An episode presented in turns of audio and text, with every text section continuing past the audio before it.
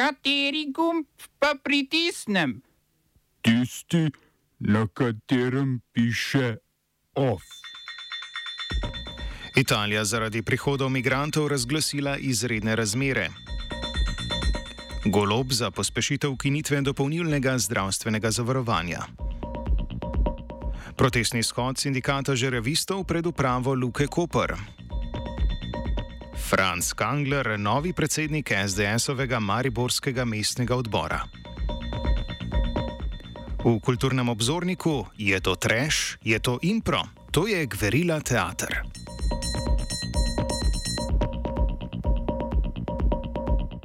Jo, italijanska vlada je zaradi prihodov več tisoč ljudi po sredozemski poti za obdobje šestih mesecev razglasila izredne razmere po celotni državi.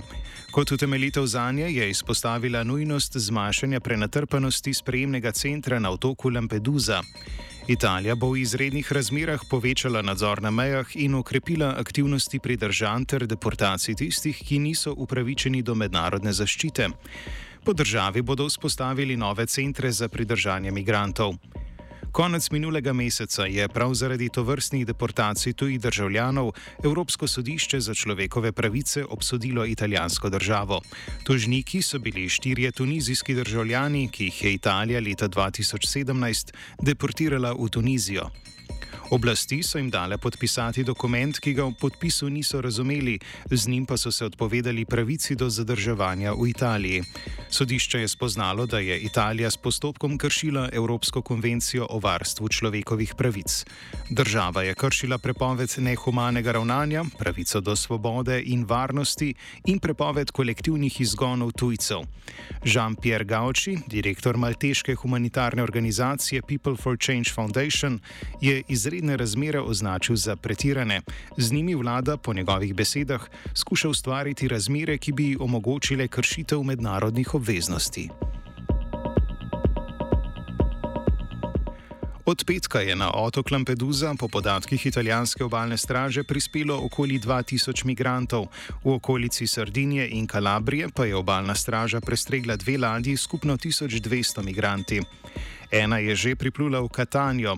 Odločitev za izredne razmere po vsej državi, ki da je potrebna, ker imajo s prejemom migrantov težave vse regije, je dozorela predvčerajšnjim. Takrat sta se sestala ministr za notranje zadeve Mateo Pientedozi in vodja civilne zaščite Nelo Musemeči.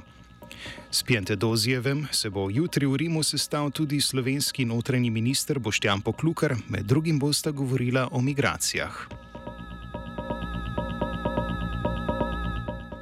Italijanska vlada že pripravlja nov odlog, ki ureja migracije. Po odloku bi lahko čas, potreben za preverjanje prošen za azil, prepolovili, predpisi za izpolnjevanje pogojev za status posebne zaščite pa bi se zaustrili. Prav tako bi vsak posameznik, ki ima status posebne zaščite in bi se vrnil v svojo državo, čeprav začasno, status posebne zaščite izgubil.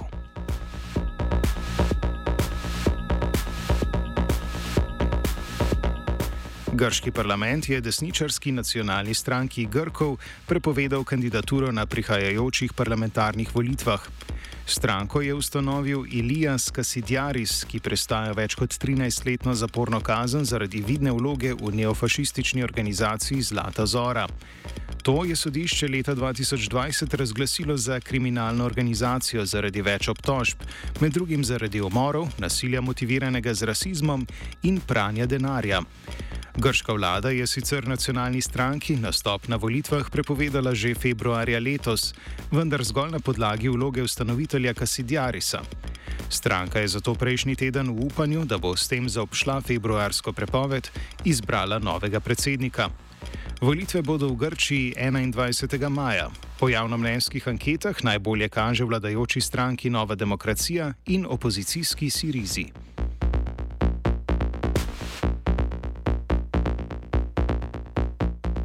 Volitev pa ni na vidiku v Sudanu.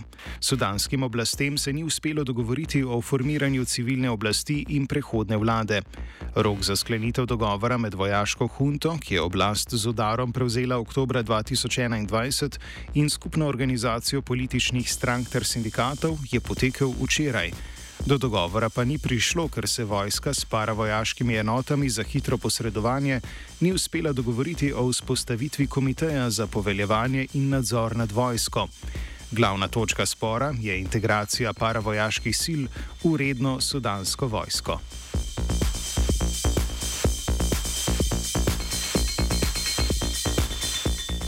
Čilski kongres je sprejel zmanjšanje delovnega tedna z 45 na 40 ur. S tem se Čile pridružuje Ekvadorju in Venezueli, ki sta edini državi Južne Amerike s 40-urnim delovnikom. Zakon podjetjem prepoveduje zmanjšanje plač delavcem ob skrajšanem delovnem času, delavci pa bodo imeli možnost izbirati med 4 in 5 dnevnim delovnikom. Zakon ne bo veljal za neformalni sektor, ki naj bi v državi zaposloval dobro četrtino delavcev. Sprejem zakona je ena večjih političnih zmag predsednika Gabriela Boriča, ki je položaj zasedel marca lani. Predtem je neuspešno poskusil spremembo ustave iz časa desničarskega diktatorja Augusta Pinocheja, prav tako pa mu je spodletela davčna reforma. Smo se osamosvojili, nismo se pa osvobodili. Naslednje število je še 500 projektov. Izpiljene modele, kako so se strani nekdanje LDS rotirali. Ko to dvoje zmešamo v pravilno zmes, dobimo zgodbo o uspehu. Takemu političnemu razvoju se reče udar. Jaz to vem, da je nezakonito, ampak kaj nam pa ostane? Brutalni obračun s politično korupcijo. To je Slovenija,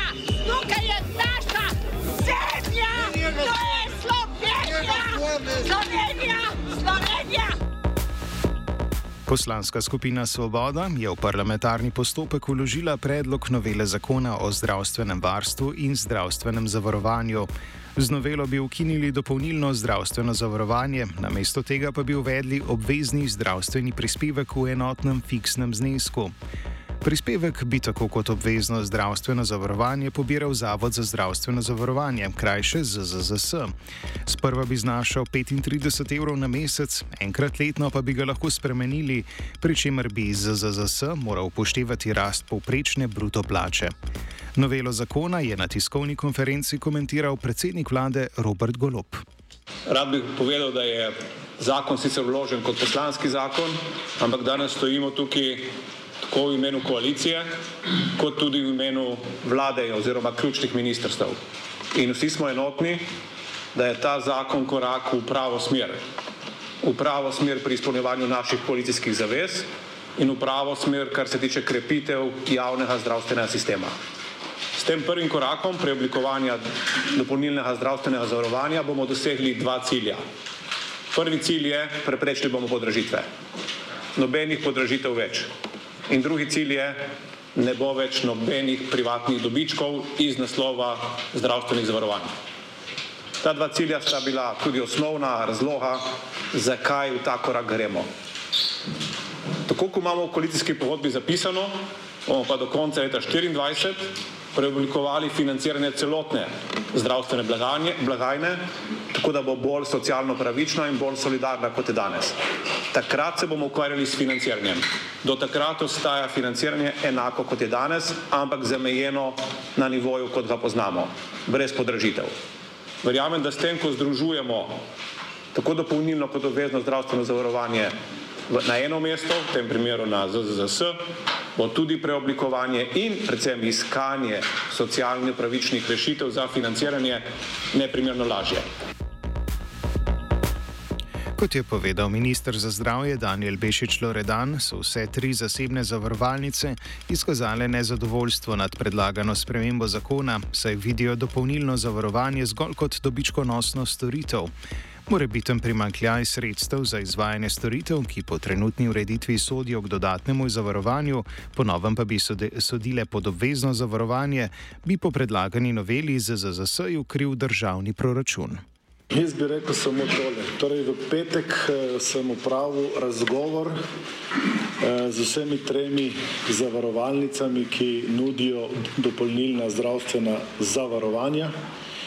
In točka, na kateri je prišlo do preloma, je ta, da je dopolnilno zdravstveno zavarovanje za vse tri zavarovalnice zgolj in samo zavarovalni produkt in namera generalija, da brez česar koli dvigne premijo iz 35 na 45 evrov. In tej nameri bi sledili še obe drugi zavarovalnici, je za nas nesprejemljiva. Zato smo odreagirali, zelo veliko sta se s predsednikom pogovarjala in mislim, da smo danes na prelomni točki reforme zdravstvenega sistema, ki je zapisana v koalicijski pogodbi. Od ostalega ne odstopamo, naše zaveze so jasne in kot je že predsednik rekel, to je prvi korak in verjetno nujno potreben ali pa gotovo nujno potreben, da sploh pridemo do tam, kamor nameravamo iti. Za razliko od uh, predhodnikov sva s finančnim ministrom usklajena, denar bomo našli, je v zdravstvenem sistemu, tako da se ni zabat, da bi uh, denar, ki bo najverjetneje zmanjkal, uh, ne našli v proračunu, vendar izključno in samo z spremembami zdravstvenega sistema, tako da pridemo prvič do stabilnega financiranja in drugič do storitev, ki bodo v sistemu transparentne, javno zdravstvene in dostopne za vse. Po poročanju portala NN je koalicija z novelo zakona pohitela zaradi namere Slovenske demokratske stranke, ki je pripravljala svoj predlog zakona o zdravstvenem varstvu in zdravstvenem zavarovanju. Glob je SDS želel prehiteti.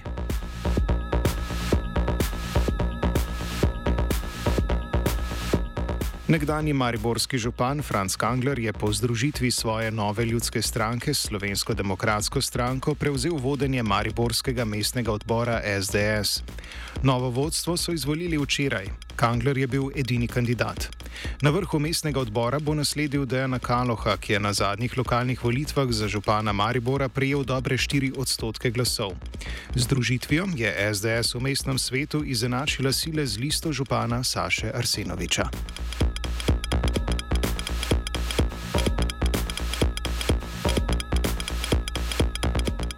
Sindikat žerjavistov pomorskih dejavnosti je organiziral protest pred upravo Luke Koper. S tem želijo opozoriti na trpinčenje zaposlenih, ki naj bi ga izvajala uprava. Kot so v izjavi za javnost zapisali pri sindikatu, bosta opozorilo pred odpovedjo pogodbe o zaposlitvi dobila še dva zaposlena, potem ko so ga predtem prejeli že mnogi drugi sodelavci. Po mnenju sindikata gre za novo zlorabo moči nad delavci z namenom discipliniranja in pokoritve zaposlenih, ki jo izvaja uprava z Boštjanom napastom na čelu. Shod komentira predstavnik sindikata žerjavistov pomorskih dejavnosti Mirko Slosar. Predsednik uprave Luke Koper uh, želi dvema našima sodelovcem dati brez uh, neutemeljenih dejstev opomin pred odpovedjo. Uh, to ni zdaj nova praksa, to se dogaja že eno leto razna šikaniranja in eh, tudi dodeljevanje teh opominov pred odpovedjo, pa neke vrste, kot je opozorilo pred opominom pred odpovedjo, katerega nimamo niti v notranjih aktih in zato smo se odločili, da zaščitimo sodelovce. Luka Koper je trenutno tudi brez socialnega sporazuma. Sindikat je to problematiko na upravo naslovil prejšnji teden, vendar se glede sporazuma od tedaj ni spremenilo nič. Kot je sporočila uprava, je bil sporazum podpisan februarja 2021 in je temeljil na negotovih okoliščinah zaradi epidemije COVID-19. Uprava naj bi za leto 2023 upoštevala realne predpostavke poslovnega okolja in panožnih gibanj, ki pa se letos naj ne bi razlikovale od leta 2021. Odlašanje z novo socialno pogodbo komentira Slosar.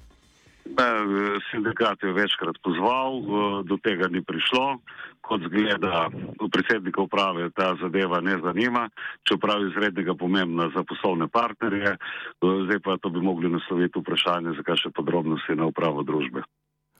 OF je pripravil Žan.